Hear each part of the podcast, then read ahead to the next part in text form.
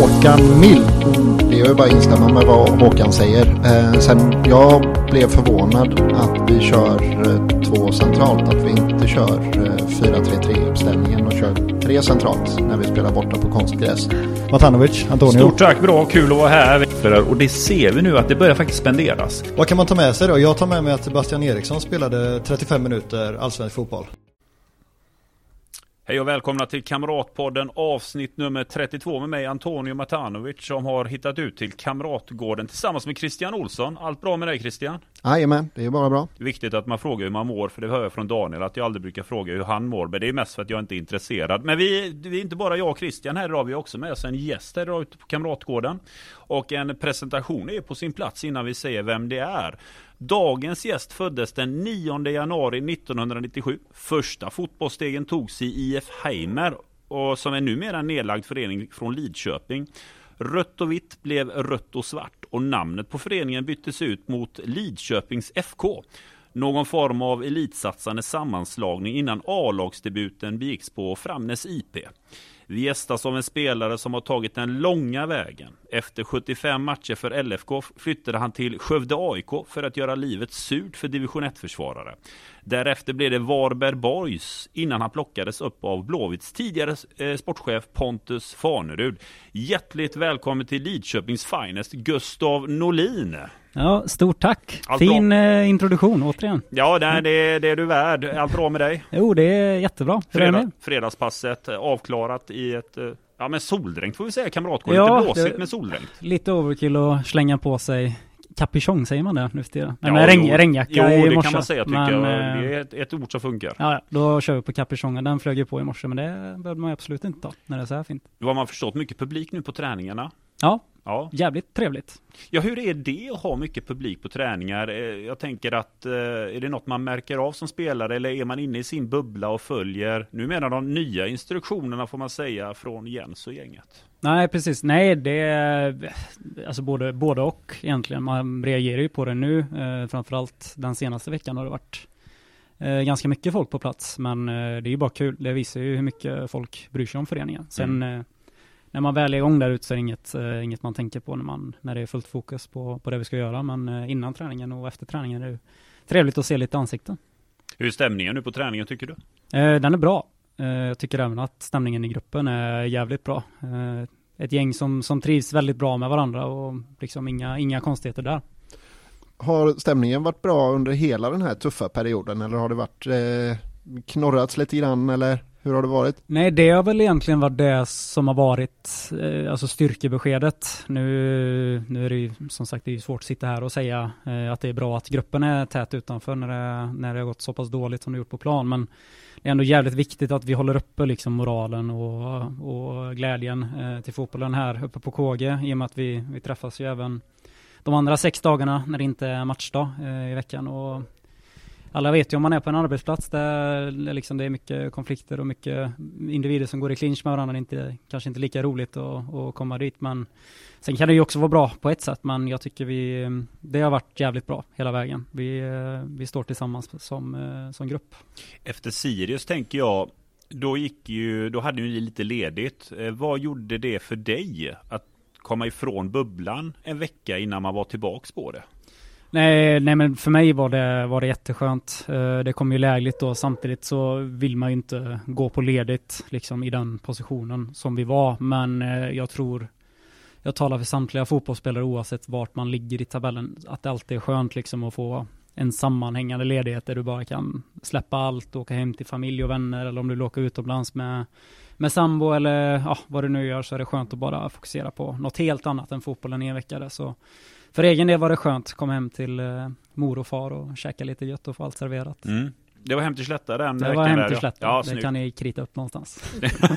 snyggt. Hörru du, eh, Adam Kalén påstår att du har den värsta dialekten därifrån, stämmer det? Ja, jag kan, ni hade väl ett avsnitt med honom Ja, för det en stämmer. vecka sedan, så behöver jag säga så mycket mer än så. Nej, ja, då bekrä- bekräftar vi det Adam säger där. Från Mariestad, brukar du hänga något i Mariestad förresten? Alldeles för lite, tyvärr. Han har varit på mig. Sen är ju Carlén, han är ju extremt noga med att säga att han är från Lugnås. Ja, och, just inte, det, och ja. inte Mariestad. Nej, nej okej. Så det är ju Lugnås som gäller när det är Carlénparken vi pratar om.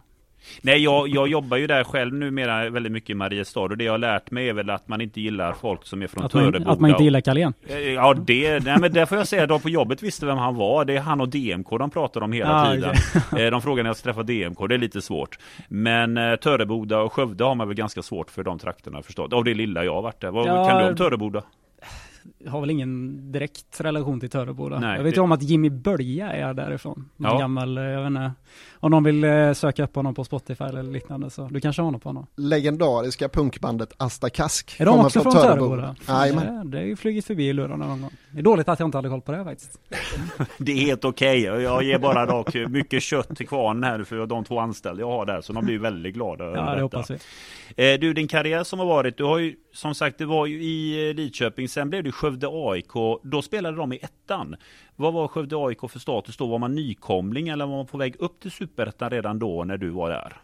Eh, nej, man hade väl gjort ett år i division 1 eh, innan jag kom. Mm. Eh, jag hade både förmånen och det motsatta att spela i Lidköping mot Skövde AIK när de tog sig upp Ja. i division 1 eh, två säsonger innan det. Och det var ju den avgörande matchen då, så då var man inte supernöjd. Men Mm eh, i slutändan så blev det ju jävligt bra. Men eh, när jag kom dit så var det, eh, de klarade sig kvar precis tror jag, eh, den säsongen eh, innan jag kom. Och det blev väl en ganska liknande säsong. Nej, vi var, vi slutade väl i mitten någonstans, mitt första år där tror jag. Och sen år två gick vi ju ganska bra. Eh, och det var ju sedermera så plockade ju, plockade ju Varberg upp mig efter det. Men du lämnade, var det var Tobias Linderoth där när du spelade i Skövde eller kom han efter dig? Han kom efter mig. Han kom efter. Jag hade Charbel Abraham och Stefan Strinn. Det kanske säger någonting. Inte, Inte ett till smack. er, Inte ett smack. Till, eh, till någon, eh, någon fin lyssnare i, i så fall, kan Ja. hoppas. Eh, I Skövde, var det central anfall eller var du på kant när du spelade? Nej, då spelar jag mer i en, vi spelar 4-1, 4-1. Ja. Alltså en av de två tiorna som vi, som vi kallade det då. Så Mm. lite mer, eh, lite mer central än vad jag varit på, på senare år. Hur gick det sen? Sen blev det ju Varberg därefter. Eh, Vem var det som kontaktade? Var det Jocke Persson himself eller hur gick förhandlingarna till där? Ja, det var Jocke Persson och så via, via min agent då. Så Ja. vi, vi hade ett möte där på, ja, under ledigheten på sommaren, eh, när vi båda hade uppehåll. Så möttes vi här faktiskt, eh, eller inte på KG, men, eh, men på Vallala. Mm. eh, och bara köta lite skit i 45 minuter och efter det så ringde min agent och sa att nej men eh, Jocke P, ty- Mm. han verkar tycka att du är en helt okej gubbe och fotboll är det väl någorlunda bra på så han är, han är sugen. Och då var ju, alltså Varberg med, med den tränaren har ju varit kända för att, ni plockade, det plockades ju upp ett par spelare från ettan. Vi har ju bland annat eh, Astrid Selmani är ju en spelare som också kom från ettan och du med. Hur var, vad tycker du att han har gjort bra med dig som spelare om din tid i Varberg? För det är ju ändå ett stort kliv. att gå från ettan till är det. Varberg. Nej men han var, det var mycket liksom med den approachen att det, ni är bra fotbollsspelare men eh, ni har spelat på, på lite lägre nivå innan men jag tror liksom spelar, jag tror han sa det till alla oss när vi kom, vi var ju en drös där nästan. Ja. Ett tjog var jag på väg att säga. Ja. Eh, division 1-spelare som kom upp så hade han ett snabbt möte med oss och sa att ni är, ni är bra fotbollsspelare. Sen har ni inte varit i miljöer där ni kanske fått ut fått spela ut hela registret eller att det gått lite lätt för vissa, kanske för att motståndet varit lite för dåligt. Mm. Men får ni lite, lite bättre spelare kring er så tror jag att ni kan eh, spela ut ett ännu, ännu större register och det, det hade han ju faktiskt rätt i. Så det var mer den approachen och sen kasta ut en boll 11 mot 11 på träning och, och kör. Och det, det funkar ganska bra för mig. Astrid Selmani sa ju det, det var ju någon podd, han berättade ju om när han kom till Varberg att det var ju en jätteomställning för honom för det var otroligt mycket fys han fick köra för att komma in i tempo, tempo, tempo, tempo enligt hans upplevelse. Det var konditionen han behövde bättra på mycket och det var väldigt hård träning i Varberg. Hur upplevde du det när du kom till Varberg? Nej, inte, inte lika mycket som Astrid. Nu är vi ju ganska, ganska olika spelare också. Jag har Mm. alltid haft liksom, eh, jag har alltid kunnat löpa relativt väl. Så den omställningen var inte lika stor för mig, alltså det fysiska på planen. Sen hade jag ju aldrig liksom gymmat organiserat. Mm. Det gjorde vi inte i, i, i Skövde. Där var det liksom, ja, 20 situps och så säger vi hej då gubbar, ta en snus och åker hem. Eh, Så liksom kliva upp åtta på morgonen och kila iväg till ett gym, det fanns inte på, på världskartan för mig just då. Men, eh, och det var, det var den stora, liksom, stora förändringen för mig. Mm. Men det, det kände jag, det har ju hjälpt mig eh, i långa loppet och nu liksom när man är här med faciliteterna här så är man ju uppe och kör nästan varje dag. Ja. Eller man kör varje dag och gör någonting bara för att liksom underhålla allt och det har ju hjälpt liksom dels för skador och dels för att bli liksom starkare fysiskt. Så det var väl den stora skillnaden för min del. Att att liksom göra squats. Ja. ja, för du har ju haft en ganska skadefri karriär, eller? Du har inte haft några Nej, ingen, ingen sån längre, ingen längre. Det är lite, lite småskavanker. Man, eh, man är ju dum i huvudet också. Ja, eh, så, på vilket sätt? Ja, på alla sätt. Ja, ja alla, det... alla kombinationer. Så kroppen får väl klara sig så bra som möjligt, så kan huvudet lida istället. Varberg, vad tycker... Alltså nu hamnar ju du, du lämnar ju Skövde för Varberg. Om man tar dig då personligt, när började du inse att ja, men fotboll kan jag leva på. Det här kan bli riktigt, riktigt bra för mig. Jag ska fortsätta inslagen. Märkte du av det innan Skövde? Hade du satt ett personligt mål att jag ska bli fotbollsproffs? Eller kom det mer som att oj, jag kan bli fotbollsproffs nu? Ja, lite mer, lite mer åt andra. Men det är ja. nästan nej på båda dem. Jag är väl, eller lite för mycket leva i nuet människa. Alltså, för mig var det dels i LFK spela fotboll liksom med, med polare och hela den biten och ha jävligt kul liksom och träna. Det är alltid, jag är liksom uppvuxen i ett omklädningsrum så det är, mm. det är hemma för mig och sen när möjligheten kom liksom och dra till Skövde, det är inte jättelångt från Lidköping. Vi snackar fyra och en halv mil kanske. Då kände jag, men kan vi gå upp och testa division 1 och mm. det funkar ju bra också och sen liksom, sen flöt det på och så helt plötsligt så så var det ett samtal där, eh, sommaren, vad blev det, 2019. Och så liksom, ja, ett lag som ligger, eller Varberg som låg etta i superettan då, de är, de är intresserade. Vi, sa, ja, vi testar väl det också då, om, om de vill ha mig. Så, och efter det så är det bara flutit på. Så jag, som sagt, lever väldigt mycket i nuet. Kanske, kanske lite för mycket, men jag känner, jag är väldigt mycket, eller mån liksom att må bra. Det är, det är mitt primära och jag vet inte, vissa mår ju bra av att sätta mål hela tiden. Mm. Att jag ska ta mig hit det här året och jag ska göra så här många mål och bla bla bla hela den biten. Men jag är väldigt mycket sån att jag, jag tar det som det kommer. Och, och gör liksom lever, lever 100% varje dag och gör mitt bästa varje träning, varje match. När man då lever i nuet måste jag ställa frågan, då tänker man ju, eh, blir det inte en jobbig, blir det inte en jobbig säsong för dig då? Jag menar om, om du, om det är ju lätt att man tittar på att ja, men just nu går det dåligt sportsligt, just nu levererar vi inte om du lever i nuet. Kan inte det slå bakut på dig att du tänker för mycket på att ja, här är vi just nu och du kan, kan man se ljuset framåt då? Om man bara lever i nuet? Nej, jag hörde det, men där har jag ändå lärt mig med åren att koppla bort. Alltså jag är väldigt noga på att liksom när jag är här, då är jag fotbollsspelare. När jag är där ute, då är jag fotbollsspelaren. Mm. Gösta Norlin liksom. Och sen så fort vi kommer in här och när jag är hemma, då är jag liksom människan, personen. Och det är ändå, det är liksom, det är klart, man skulle ljuga om inte jobbet som det ändå är, hänger med hem. Ja, men jag tänker, du går ju till ICA och handlar, ja, någon precis, kommer fram till dig och säger vad händer där på den här matchen? Ju, samtidigt är det, det är ju det som är så jävla fint med den här föreningen, att det, mm. det är så otroligt många som bryr sig. Så som spelare så lever man ju och dör lite med den också. Mm. Uh, så är det ju, det går inte att undvika. Men samtidigt är jag jävligt noga med att liksom, jag kan inte gå runt och sura, alltså nu har jag en sambo hemma, hade jag gått runt och surat för att för att vi går dåligt liksom på, på plan eh, konstant hemma, då hade väl inte hon orkade, jag hade inte orkat med mig själv så jag antar att hon inte hade gjort det heller så jag är ändå jävligt noga med att särskilja på hur jag är där ute och hur jag är när jag är hemma och liksom runt familj och vänner. Där försöker jag ändå vara liksom, ja, den, den vanliga Gustav. Alltså kunna koppla bort fotbollen, köta om vad som helst. Men vad har du för knep där? Jag tänker det kan inte vara så lätt att helt och hållet koppla bort om man har sociala medier till exempel och man går in på Instagram och tittar. Folk skriver ju antar jag till dig på DM och det Nej, kan vara mycket liknande. Hur, hur kan du liksom bli den här andra människan och inte fotbollsspelaren och koppla bort någonting? För skallen måste ju vila. Nej precis, men det är just det. Jag ger nästan totalt fan i sociala medier. Ja, men det, det är och klokt. läser knappt eh, några tidningar. Det är mer mer läget i världen och vad som händer runt om i landet. Men knappt något som är fotbollsassocierat. Och sen Twitter har jag inte längre och Instagram det är liksom bara med, med nära och kära. Mm. Bara liksom fokus på, på vad som händer i de jag bryr mig oms liv kan man väl säga. Mm. Um, ja, det, det är väl mitt knep egentligen bra knep och jag tror att det är väl ett tips som flera spelare måste ta till sig. Mm, för jag drar det mycket med, med ynglingarna här. Eh, framförallt i, sen är det klart det är lätt kan jag tänka mig att i perioder, eh, både när det går dåligt och när det går bra, men framförallt när det går bra mm. och du får mycket till dig att fan det kör bara, det här går skitbra liksom, du är bäst och hela den biten. Då kan man ju sväva, framförallt när man är lite yngre. Mm. Men då är det ju den andra sidan när det går dåligt, om man är en yngre spelare. Och får massa skit till sig då måste Alltså man det, liksom... är- det kan ju vända så jäkla Det fort. är ju det, det liksom. går fort i hockey som vi säger hemma i Lish. Och, men det gäller ju fotboll också. Så nej, det är som sagt, för mig är det i alla fall viktigt att, att kunna, kunna särskilja på det.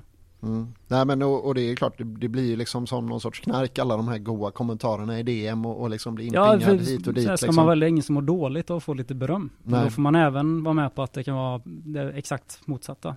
Och, Ja, och folk är ju så jävla ofiltrerade och obalanserade. Ja, precis. Men det är ju också det liksom. Fotboll är, det är ju, det är ju affekt. Allting. Det är ju en känslosport och vad hade det varit om det inte var känslor involverat? Då hade det inte varit 20 000 på läktaren liksom. Nej, nej, nej men så, så är det ju. Ehm, nej, men jag tänker mest, det är tonen på sociala medier är allt annat än rimlig. Nej, det kan vara himmel och det kan vara helvete. Ja, nej, men och, och man vrider på så jäkla höga växlar liksom och tänker inte på att det är en människa och pratar vi de yngre spelarna så är det dessutom någon som knappt är vuxen liksom. Nej, som precis. sitter på andra sidan och får, får läsa den här gallan. Ja, liksom. exakt. Det är- Men samtidigt liksom alla, alla har ju rätt till sin åsikt och då, då vill det till att personen i fråga eh, kan koppla bort de här grejerna. Det är, Ja, nej, men så är det ju. Så är det ju liksom. Från det att du var i Varberg, jag och Christian satt ju och vi hade en, eh, vi snackade en kväll med dåvarande sportchef Pontus Farnerud en kväll. Och just den kvällen så höll han på att titta väldigt mycket på sin telefon. Han vred och vände på den. Han var lite, det var mitt i silly här nu. Eh, det- Sportchefsjobbet ja, ja, ja, ingen det- liten där. Ja, det var, det var precis den här tiden när det skulle komma spelare in och just den kvällen höll han på att vrida väldigt mycket på sin telefon. Nu visar jag till dig, man gjorde verkligen så här hela tiden. Och dagen efter presenterades du. Ja, okej. Så eh, det var ju härligt att se och där kom du till IFK Göteborg. Pontus Farnerud eh, rekryterade in dig och han var väldigt imponerad. Han var Mm. väldigt glad. Var, du kom ju samtidigt med Kalle Johansson om inte jag minns helt Ja, fel. han kom från- väl någon månad tidigare än mig. Ja, Kalle, Eh, ja, han var redan klar där, Kalle. Och med dig så var han extremt nöjd med dig i Sillefönstret. Hur gick den till? Eh, hur, du lever ju nuet, din agent. Ja, Funkar nej, det, det- så att han hör av sig och säger att nu är Blåvitt på radarn? Ja men i princip. Det var liksom, nej men eh, träning på Påskvärsvallen som Bodde det du i. Varberg då eller? Jag bodde i Varberg Ja. då. Eh, träning där och efter träningen så eh, så fick jag ett samtal eh, och fick höra att eh, IFK Göteborg är intresserade. Och ja, typ dagen efter så kom jag hit och kollade igenom liksom Kamratgården och hälsade på grabbarna och dag två så var det signat och klart. Liksom. Det gick så fort? Extremt fort. Det var det leva i nuet-grejen som, Ja. som kanske var till min Är fördel. du, just är du en dålig förhandlare får man fråga då? Jag vet inte fan, det var min agent som skötte det så jag får passa vidare den frågan till honom. Är agenten som sköter det. Ja, exakt. Men det, det kan gå så fort en affär, för man får ju oftast veta, tro att det kan ta flera veckor. Men det här var någonting som kändes direkt rätt när du kom Ja, hit alltså upp för till- min del i alla fall. Sen är det ju, jag, jag har varit tydlig med det att jag vill inte, jag är inte en sån som frågar runt liksom min agent och hela den biten. Att oh, vad händer här och vad händer här och vad eh, finns det något potentiellt eh, target eller vad fan nu kan vara. Jag är liksom, jag vill ha fokus på det jag gör här. Mm. Det är, fotboll är min grej och så det som händer utanför pitchen, det, det, det kan du sköta. Men jag vill inte höra någonting om det i ryktesväg eller liknande. Jag vill höra om det är liksom, nu är det något genuint, Mm. konkret som kan hända inom en snar framtid. Då, liksom, då vill jag ha reda på det. Eh, och det var ju exakt så det blev. Och det, det funkar ju ganska bra. Vad var det som lockade med IFK Göteborg då? Det var Roland Nilsson som var tränare, Pontus Fanerud sportchef. Vad, Ja, var det som, precis. eh, vad var det för idé som såldes in till dig? Nej men det är ju framförallt, alltså det är, eh, nu sitter ju vi på KG så Mm. det är ju lättare för oss att säga men det är ju bara dels faciliteterna med förutsättningarna och sen är ju Blåvitt, säga vad man vill om de senaste åren när, när vi gått lite sämre så är det det är en storklubb alltså, som ger, eh, ja, framförallt i Skandinavien, men som även ger eko ut i Europa. Mm. Frågar du ja, en spanjor eller engelsman så om, ja, nämn tre lag från Sverige så kommer ju garanterat Blåvitt vara ett av de tre lagen. Mm. Och då liksom det genererar ett större intresse och liksom med Gamla Ullevi och ja, 20, vad är, fan vad är fullsatt? 20? Nu kommer Ja, fullsatt är väl eh, 18 tror jag. Men, 18, jag brukar eh, säga 20 000 för vi kanske pumpar Ja, in men det är eh, snyggt att he- runda. Helt okej. Det är Ja. helt okej. Nej men som sagt, och liksom bara, bara spela fotboll inför 20 000 supportrar som lever och dör med det här laget. Det, vem vill inte göra det liksom? Och, och det, det räckte för mig att, eh, att sälja in i det.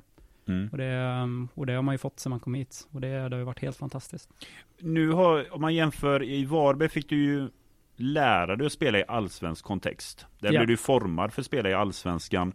Nu har du varit här ett litet tag här i IFK Göteborg. Vad tycker du klubben har utvecklat, eller vad har du utvecklats mest som här som spelare under den tid du har varit här, tycker du? Nej men det är framförallt att jag har mognat eh, som spelare. Eh, jag var väl lite mer, lite mer spretig. Det har ju en tendens att vara det fortfarande kanske, men känner ändå att jag, jag har mognat och jag förstår fotboll bättre nu och jag har lärt mig mer att som, som jag sa innan, i Varberg var det mer liksom ut och kör som ett jävla yrväder bara. Mm. Här är det ju liksom raka linjer och där har man ju fått lära sig att, alltså, ja, vikten av att få en roll i ett lag också. Mm. Och dels prestera utifrån det, men även acceptera rollen man får. Mm. Eh, innan kanske man, när jag var yngre, så kunde jag ifrågasätta saker och ting. Här har det varit mer så, eller jag har lärt mig. Eh, det är väl med, med mognad och erfarenhet också att eh, gör som, som de säger att du ska göra, så kommer du få spela. Eh, och det, det ligger väl någonting i det. Och sen, som sagt, får man ju vara, vara kreativ när, när, läge, när läge ges, men framförallt liksom det är det här klassiska blåvita med och det är, man ska vara stabila bakåt, vi är stora starka blåvitt liksom ut med bröstet, du spelar i den här klubben av en anledning, ut och ut och kör. Det, det har jag tagit till mig och, mm. och omfamnat det och så försöker göra det till 110% varje match och varje träning. Nu har du inte varit här jättelänge Gustav, men du har redan hunnit beta av ett antal olika tränare. Nej, så är det. Eh, så, så är det tyvärr, får man väl säga. Nej, ja, så är det. Ja, det, det är ju också en del av det här. Det är en del eh, av eh, det man skriver sig upp på. Ja, men det är det. Och det är väl en del av den här perioden i Blåvitt där det inte har gått så bra. Då, då blir det det som händer. Precis. Liksom. Um, hur har det känts för er som spelargrupp? Hur, eller hur har det funkat liksom? Är det... Mm, det jag, jag, tänker bara på mitt eget jobb och, och jag har haft ett x antal chefer de senaste åren och, och, varje chef fungerar liksom på sitt eget sätt och det tar liksom ett tag för gruppen att sätta sig uh, och vi ja, våran arbetsgrupp, det finns en, en liten frustration i att man aldrig får bli riktigt, riktigt bra förrän det liksom byts nej, ut igen. Precis. Nej, nej, så är det. Eh, jag hör det och det är ju det är ju likt här som det är på, på ett annat jobb också med chefer och tränare och alla. Alla vill ju sätta sin prägel på, på laget och det är inget man gör eh, på en natt. Så är det ju. Eh, så det är ju klart att man, försöker, man får kanske en försäsong med en tränare. Eh, och x antal matcher och kör på det sättet. Det kanske inte har funkat och så byter man. Då blir det liksom, man börjar om processen. Mm.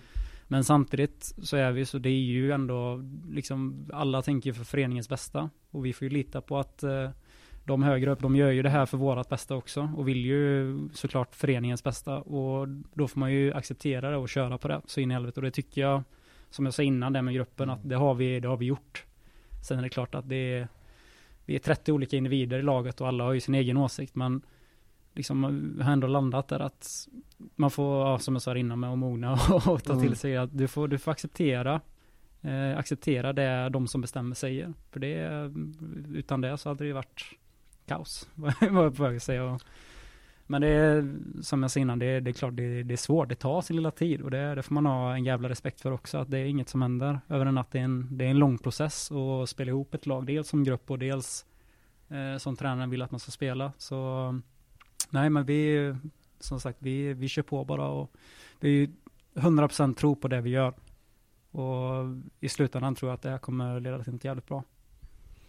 Ja, nu har vi ju fått ett helt nytt team eh, det senaste med, med Jens och Ola till viss del. Jag vet inte hur, hur mycket ni ser av Ola egentligen. Ja, men han är ändå eh, närvarande skulle jag vilja säga. Det, vi ser honom nästan varje dag. Mm, gött. Um, känns det som att det, alltså utifrån så tycker vi att vi ser eh, att man började med att sätta en defensiv och nu så har det pratats mer om att hitta offensiva lösningar hur känns det? Har du en tydlig roll här nu som du så att vi kommer få se lite mer Gustav Norlin mål? Ja, nej, jag, jag hoppas ju på det. Eh, ja, vi är, vi är väl en del i den processen och det är precis som ni säger. Det är, jag skulle säga nio av tio tränare, eller alla tränare jag har haft som har kommit in nya i, i alla klubbar vill ju bygga, bygga det bakifrån. För så länge du inte släpper in ett mål så har du en poäng.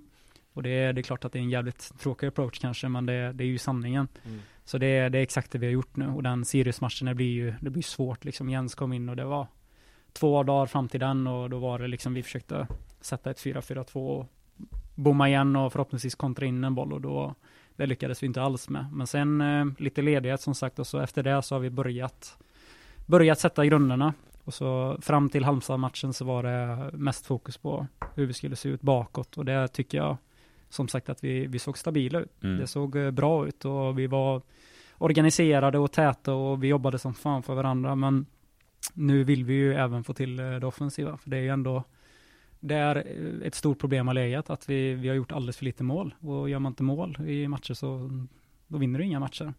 Jag tycker ändå att det kom till mycket ja, men halvchanser och, Mm. och nästan nästan lägen Precis, eh, men, mot men inte, Halmstad. inte riktigt de hundraprocentiga, riktigt, riktigt heta chanserna. Det är liksom någon sekund för tidigt eller någon sekund för sent med timing och hela den biten. Det, det, var, det är vi inte riktigt, men som sagt, efter Halmstad-matchen så har vi jobbat mer offensivt och det hoppas jag verkligen att det ska synas på, på måndag mot, eh, mot Varberg. De här sekunderna som du pratar om, för det får man ofta läsa för ett lag när det går lite mer emot, att man saknar det lilla, lilla extra, man saknar det lilla extra i boxen.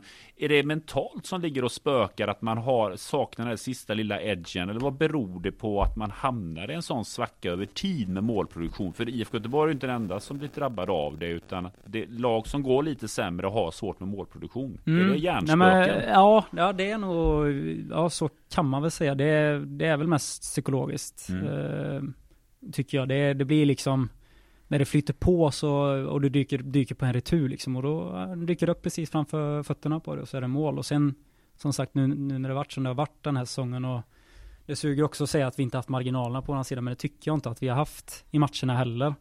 Att, eh, nej men som, som jag var inne på innan, ja men då chansar du på att bollen ska komma där och då kommer den men ja, du chansar på att den skulle komma till höger, den kommer till vänster istället. Mm. Och då går du inte hundra nästa gång. Och då dyker ju bolljäveln upp där, Just det. Så det är ju de här grejerna och det Jens har varit inne på det, han använder ordet gamble, alltså extremt mycket nu Mm. på sin dansk, eh, engelsk, svenska. Ändå bra svenska teorier. på honom, men Ja, man fattar faktiskt. bra ju. Ja, eh, jag med när han Mm. pratar svenska. Nej men han, han är på som fan framförallt i de främre linjerna att gå på den bollen. Mm. Liksom, vi har- Oavsett. Oavsett, alltså gå 100%, våga chansa. Mm. För den, till slut så kommer det liksom ge en, du kommer bli belönad. Och kommer den inte dit och liksom för, då finns det i bakhuvudet också, ja men fan bollen kommer inte och så är det en jävla kontring åt andra hållet och så är det lägga benen på ryggen och springa 90 meter hem. Mm. Och, så, och så blir man trött liksom och hela den biten och det är väl någon falsk trygghet i att inte behöva göra det och ligga rätt istället för Mm. att faktiskt gambla 100%. Men då säger han, du har, du har 8-9 man bakom dig. Det finns ingen anledning att inte göra det. Så kör. Och det, det tycker jag ändå vi har tagit till oss och som jag sa innan så hoppas jag att det ska synas på måndag också att vi går för att göra ett jävla mål. Mm. Eller fler såklart. Varberg som sagt hemma nu, eh, utan Jocke Ja, som precis. tränare. Och alltså i min värld så, det kan ju vara medialt och det kan ju vara fel, men för mig så är Varberg Jocke. Jocke.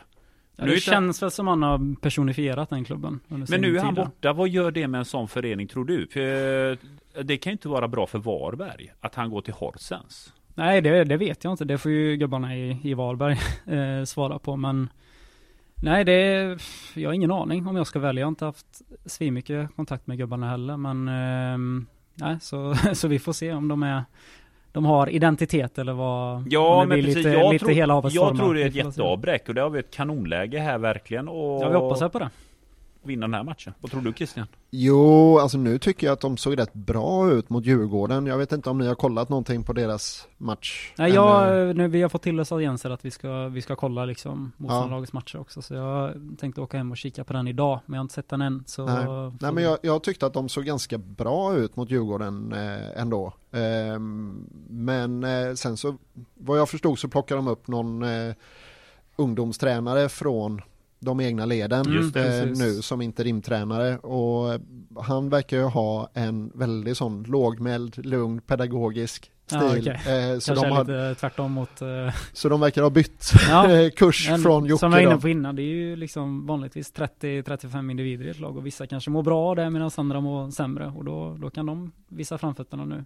Mer än vad, vad de kanske gjort tidigare. Ja men så kan det ju definitivt bli och det är man ju lite orolig för. Men, eh, nej, men jag, jag väljer nog eh, glädjens väg och tänker att nu jävlar. Mm, ska vi vara optimistiska. Ja men så är det. 2-0 blir det till oss om jag får säga mitt. Eh, Jag har varit duktig på att sätta resultat Olsson. Det vet ju du här i våra interna chatt. Så den här kommer bli bra.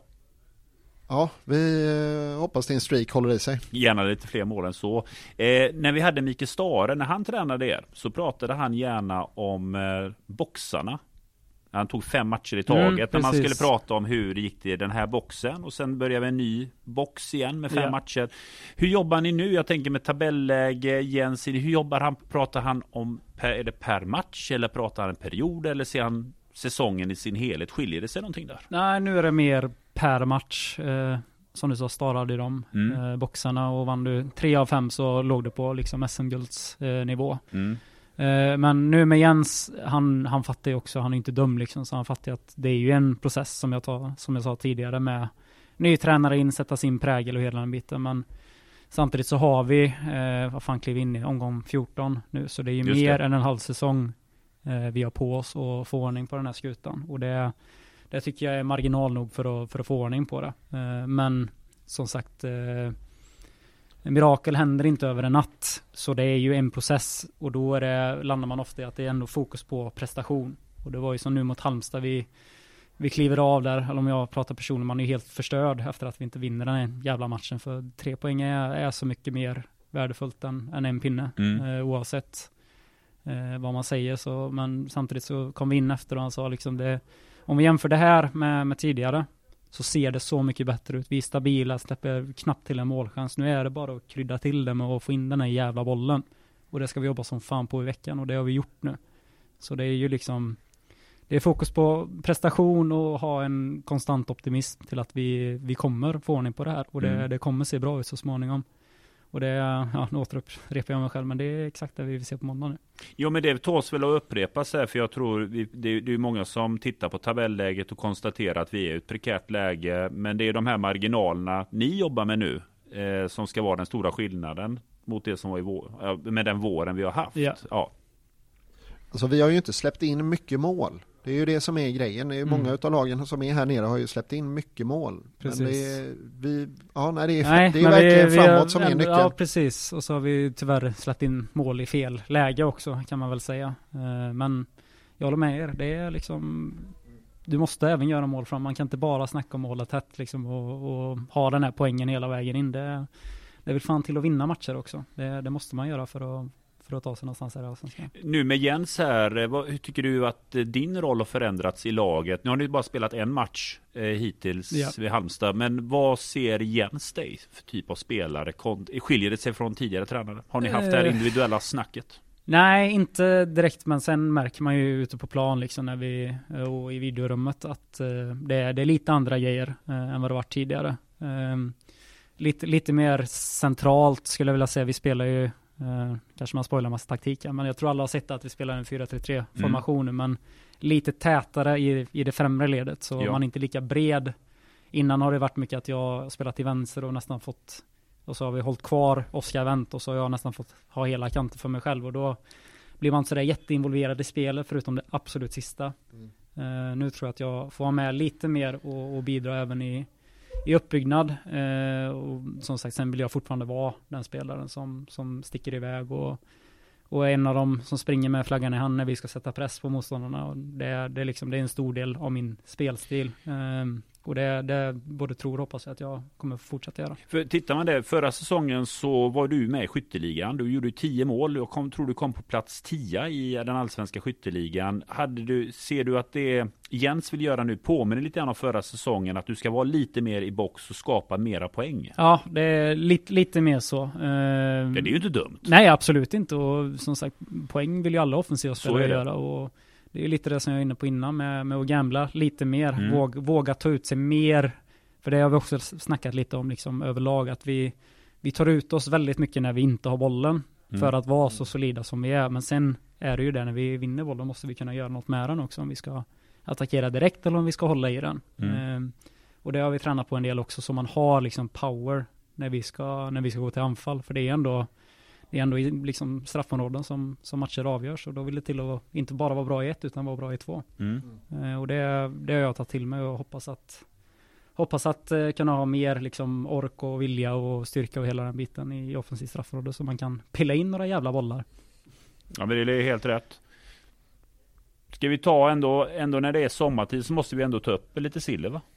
Det tycker jag. Det dök ju upp eh, ett rykte här om att eh, Gustav Norlin eh, var på väg till Polen. Lech Poznan, det var ju en polsk tidning som gick ut och skrev att det är bara en läkarundersökning kvar. Sen är Norlin i Lech Poznan och spelar. och med ditt leende och döma så kan vi konstatera att du kanske inte var på någon läkarundersökning nere i Poznan. Nej, va? det var ingen polsk journalist som hade ringt till mig heller. Nej, det här var bara på, det, det, det, var, det, var, det var uppgifter som det så fint Ja, heter. nej men det, det fanns väl inte, så här, nu, nu vet man inte, det, det är ju en silly-karusell varje sommar och varje vinter och det händer väl eh, lite vad som helst där. Eh, så det, det var väl kul att få vara involverad i en sån men det, det är inget, inget jag har hört någonting om. Det var Nej. liksom, det var Emil Salomonsson som kom och knackade mig på axeln här för några veckor sedan. Vad fan, vad händer? Ja, nej, jag vet inte. och säg du lever ju i nuet och Ja, vet precis. Ingen, ingen skit där heller, du vet. Så nej, nej det, jag har fullt, fullt jävla fokus på IFK Göteborg.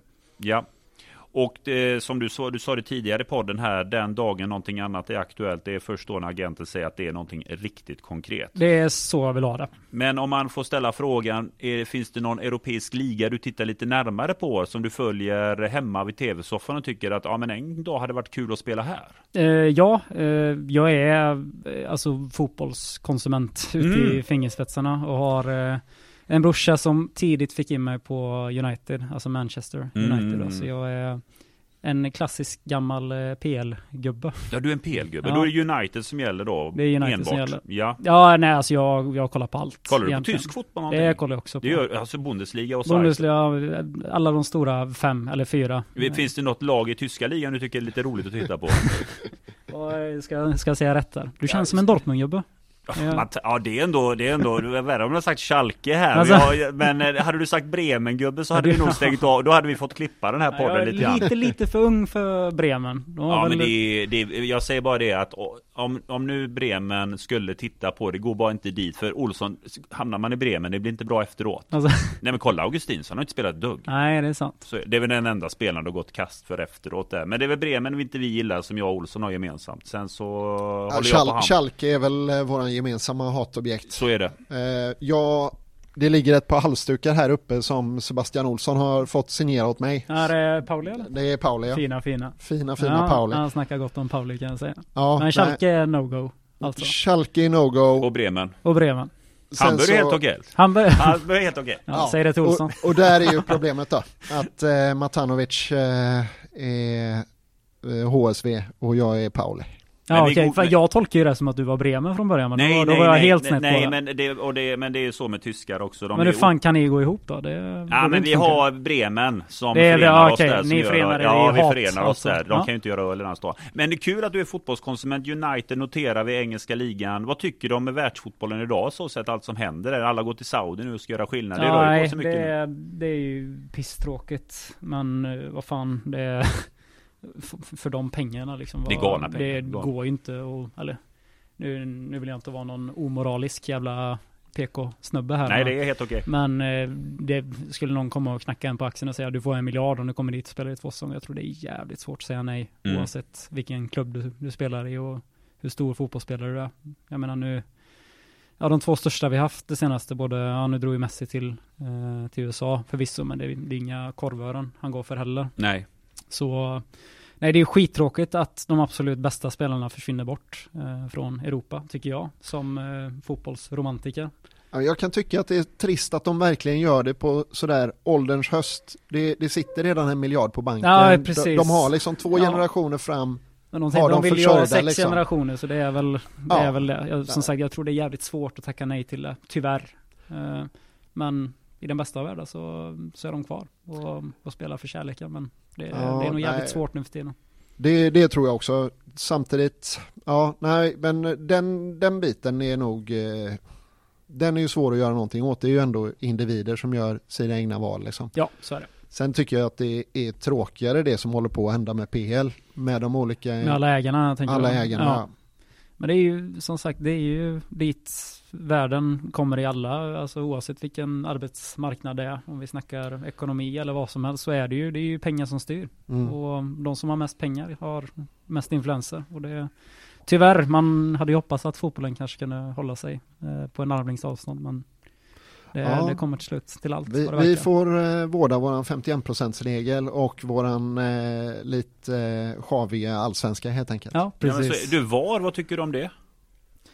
Alltså den här Du får, är... du får vara ärlig. Ja, fall. ja, det är som, helt okej. eh, alltså. som eh, ju ha fotbollsromantiken i mig som sagt, alltså när jag tittar på fotboll, eh, har ju svårt för VAR. Jag tänker du följer Premier League Ja, som precis. VAR Alltså dels är, sköts det på ett jävligt bra sätt tror jag att det, det kan vara bra, men Mm. då krävs det extremt tydliga regel, eh, regler som är hans regel och liksom när är det offside och när är det inte offside. Det, det känns som den är ju mest där för det och direkta röda kort, men ändå kan det bli kontroverser och Mm. det, det borde ju vara omöjligt kan jag tycka, när så mycket pengar investeras i det. Och det är så många, så många domare som tittar på det, men samtidigt när man spelar och känner att något är så jävla uppenbart och det är en man, en domare på plan och två på, på linjen och det är de tre som ska se det och ingen av dem gör det, då blir man ju totalt jävla, topplocket flyger åt helvete då. Ja för du har ju, du har ju lite temperament på plan Gustav. Ja, jag- du, jag du, du, det. hamnar, Jag har du diskuterar sett- lite med domaren då och då. Är ja, det, nej, det, min, min sambo sa nu får jag fan lägga av här för det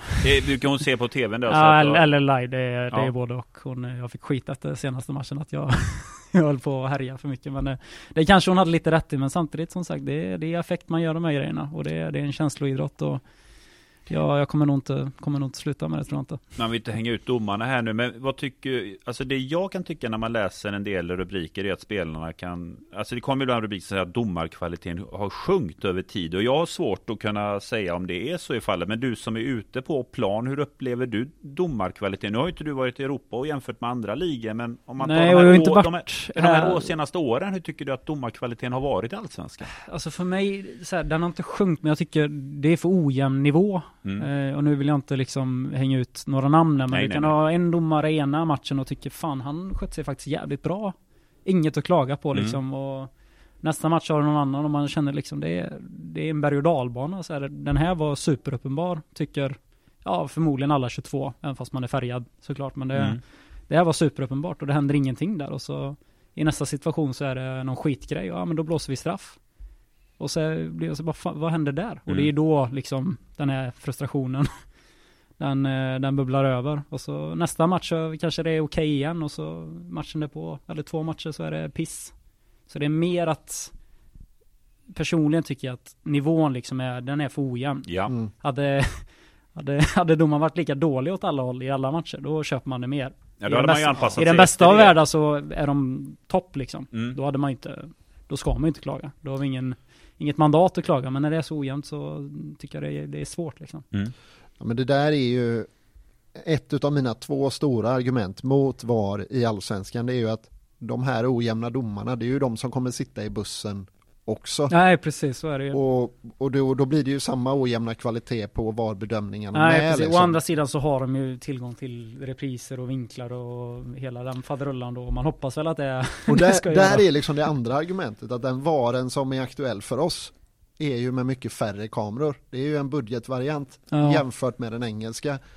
Och då blir jag så här, fan, då, då jagar vi liksom en och en halv procent mer i rätt domslut för en jävla massa pengar och för en, ja men en, en bit utav känslan som vi ska pantsätta för, för det. Men eh, VAR-diskussionen kan vi ha en hel podd om så det, Ja, vi, vi, kan, vi kan släppa den. Nej, den är, den är klurig, den här VAR-frågan. Nej, men däremot kan jag köpa, för jag menar, man märker det, vissa domare har ju också det här att de kan bjuda upp till en diskussion. Vissa Mm. kan ju Det är ha en... bra att du nämner det, för det, liksom, det går ut till alla dom och det tar vi upp varenda möte vi har. Alltså vi, Mm. Har man en domare som alltid är öppen för diskussion, alltså som sagt, man kan inte, man kan inte bete sig hur som helst i affekt heller. Man kan inte springa fram och kalla horan för, äh, horan, domaren för, ja, ni, ni förstår vad jag menar. Det, då förstår jag att, nej, försvinn kort, hela den biten. Men har man en domare som hela tiden kan föra dialog och även erkänna när han har gjort fel. Det respekterar, ja, i alla fall jag, jag tror jag snackar för, för alla gubbar i Mm. laget här. Det respekterar man som fan. Då köper man det och går vidare på ett annat sätt än de när man säger va och får en ostskiva liksom. För domarna tar ju ändå alltid det innan, innan matchen med, med kaptener att vi, vi ska ha en bra dialog och hela den biten och sen tar det fem minuter och så är det, har det flugit upp fyra kort Mm. på klagomål liksom och då blir man, men kom igen lite. Så här, som sagt, du kan inte säga vad som helst men, men man måste ändå kunna föra en diskussion kan jag tycka. Ja, nej, men jag tycker från läktarplats så ser man det ganska tydligt när de är på väg att och, och tappa matchen. Och, och, ehm, och då de själva börjar, eller från läktaren ser det ut som att de själva börjar få puls och rycker upp kortet Ja, vid, precis. vid minsta de, de är lilla. ju liksom. människor också så det är klart som fan det kan hända, hända fel på vägen. Men som sagt kan man erkänna det så jag tycker det är lättare att gå vidare om en domare säger förlåt Norlin, det var, jag gjorde fel där. Då, då är det lättare för mig att köpa det och, och gå vidare att liksom Jo, jo, du, du har ju liksom inte hundra av hundra på passningarna Nej, i en match nej. liksom. Nej, så det, det är klart att man kan köpa det liksom. Men, men som sagt, då får man ju vara stor nog att erkänna det Ja, också. det är ju den lilla, lilla, lilla detaljen. Lite lyssnarfrågor. Tiden går ju här och vi kan ju inte ha Gustav hela kvällen här eller hela dagen här. Det är ju ändå fredag. Och vi har fått massa frågor. Asså? Ja, jo, jo, nej, det var otroligt många frågor och vissa är ju vissa är ju lite rakt på sak här Gustav, det gillar vi ju och vissa är väldigt glada och vissa är lite oroliga. Och det är Ja. ju som det ska vara. Men Ja, vi, tar, vi, vi betar av då. Det gör vi. Vi börjar med Björk, det är en sån här rakt på sak fråga här. Ja. Varför har våra fem existerande forwards tappat förmågan att göra mål? Det, det är otroligt rakt. Ja, det är, det- han är ju inte fel jag på väg att säga heller.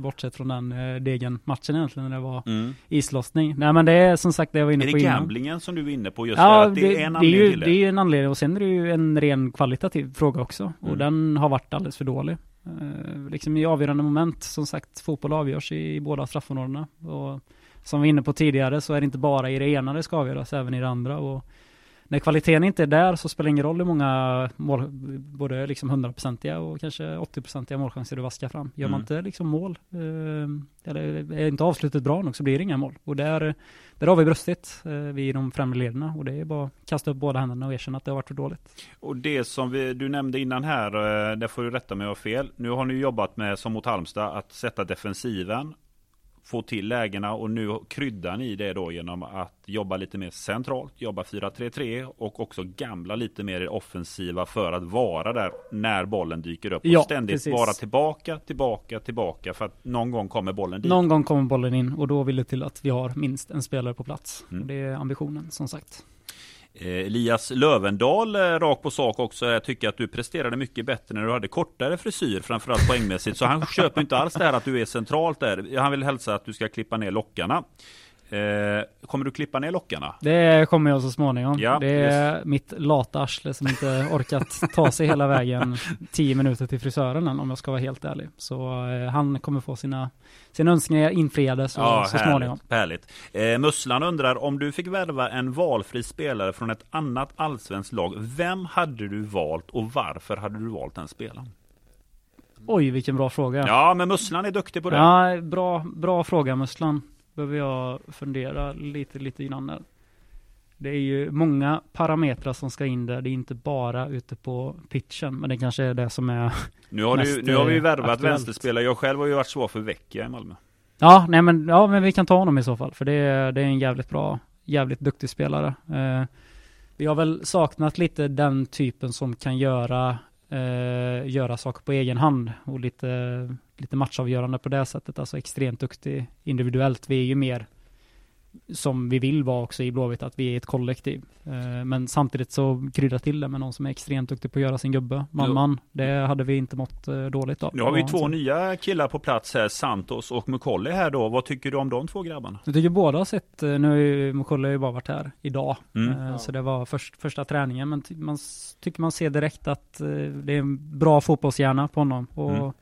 Santos är väl en lite mer liksom rak på sak-gubbe. Mm. Eh, löp, löpvillig, löpstark, eh, har eh, bra fötter också. Så jag, det känns som två bra, bra nyförvärv. Och Mm. det, det hoppas vi att det, det kan mynna ut i något jävligt positivt under resten av den här säsongen.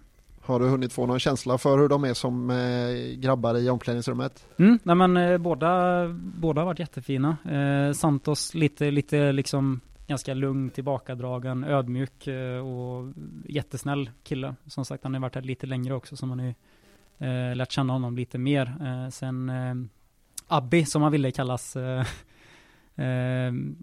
tog för sig direkt liksom när, när han kom hit och verkar vara en tjo och det, Mm. det mår man inte dåligt av heller. Det gillar en sån som jag. Härligt.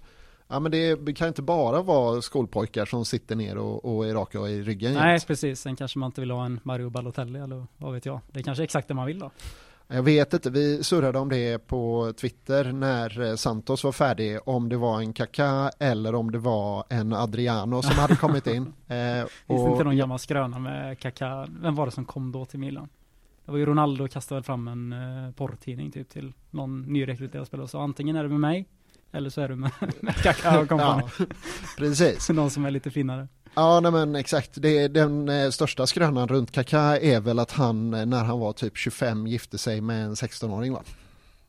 Det är väl det enda som ja, det, så det är inte, det är inte super, superbra i så fall.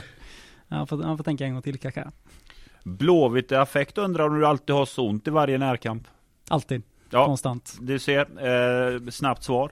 Vi har också, va, Tobias Lindström skriver, jag älskar Gustav, eh, men jag måste fråga, du har en speciell gångstil på planen. Eh, du haltar ofta tycker han. Är det medfött eller är det något annat? Det är nog medfött. Det är något i vattnet i, i lyschan som gör ja. allt, allt är inte symmetriskt i den, här, i den här kroppen. Jag är som sagt, jag är glad att jag är skadefri och förhoppningsvis kan jag springa relativt snabbt också. Sen när jag går, det är skitsamma. En sån riktigt god gangsterlimp. Ja, precis. Nej, men eh, får väl tänka på det framöver.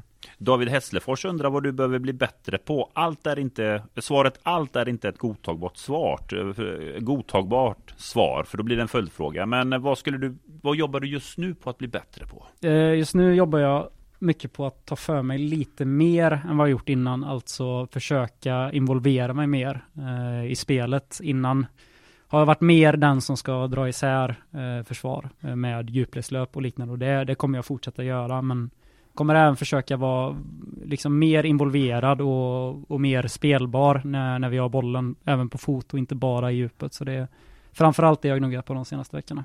Mm. Vi avslutar alltid med tjurhänke.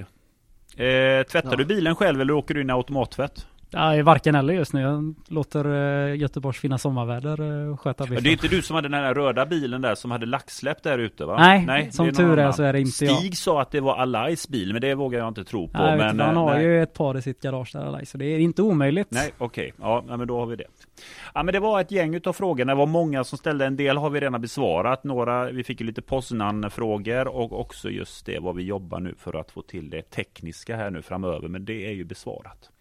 Har vi någonting annat som du skulle vilja ta upp idag Gustav? Hur känns det annars här nu inför Varberg? Det är Varberg nu och sen är det Elfsborg borta. Tuff bortamatch. Ja, eh, verkligen. De har ju gått bra eh, mm. under hela året också. Så det blir en utmaning och en svår nöt att knäcka. Men som, som jag sa innan så är det ändå vi är en grupp som är väldigt optimistiska eh, för tillfället och det, det hoppas jag att vi kommer fortsätta vara och så som jag var inne på innan att eh, vi ska ha lite mer edge. Nu vet att jag nämnde det tidigare, men, och det är ett tråkigt svar, men lite mer edge, framförallt i båda boxarna, för det är ändå mm. där matcher avgörs. Och som sagt, vem mår dåligt av att göra lite mål framåt? Eh, innan vi spelade in här nu så vi pratade mycket om, eh, du nämnde det själv här, hur, hur kul det är att spela inför så mycket publik och att det ständigt är mycket publik på Gamla Ullevi. Du är ju inne i matchen, men finns det någon ramsa på, i publiken som du, när du är på plan känner, åh gött att den är igång? Är det någon ramsa du tänder till lite extra av? Ja, alltså som sagt, det är svårt att inte säga innan matchen, alltså när man kliver ut till snart skiner på Seidon. Ja. Tyvärr. Eh, varit lite dålig på att lyssna kanske under matcherna när man har fullt fokus, men alltså kliva in på Ullevi med 20 000 gormar med Joel Almes fina toner, det är, jag får gåshud varje gång mm. och det är, det är ändå det man alltid, alltid tar med sig. Gött. Ja, men stort tack Gustav. Tack för att du tog din tid att vara med här i podden. Ja, Välkommen självklart. åter. Lycka till nu mot eh, din gamla arbetsgivare Varberg. Ja. Eh, två mål i protokollet tar vi gärna emot med dig som målskytt. Ja, det mer, vore mer inte dumt heller. Det har en härlig inte. omstart här nu med Jens och gänget. Och stort lycka till här nu kommande matcher. Vi är där och vi hejar på. Och det här kommer bli bra. Det kommer bli bra. Ja, ja nej, men det är, vi, vi tror på detta. Det är ju liksom inte, det är ju ingen idé att vika in kepsen nu. Nej, nej. 2-0 mot Varberg. Löser vi. Stort tack. Tack. Tack. Hej.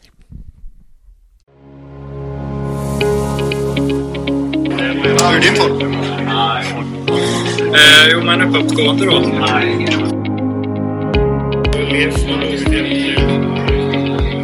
Jag trodde som pojke att jag. Ja, det var en dröm att spela i ett skitboll.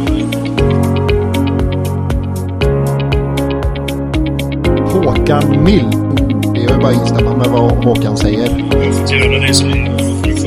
Eh, sen jag blev förvånad att vi kör eh, två centralt. Att vi inte kör eh, 4-3-3 uppställningen och kör tre centralt när vi spelar borta på konstgräs. Nej, 4-0. Alltså det, det är väl det vi tar. En bra fotbollsspelare och professionella människor som kommer in. Olsson, hur läget med dig? Matanovic.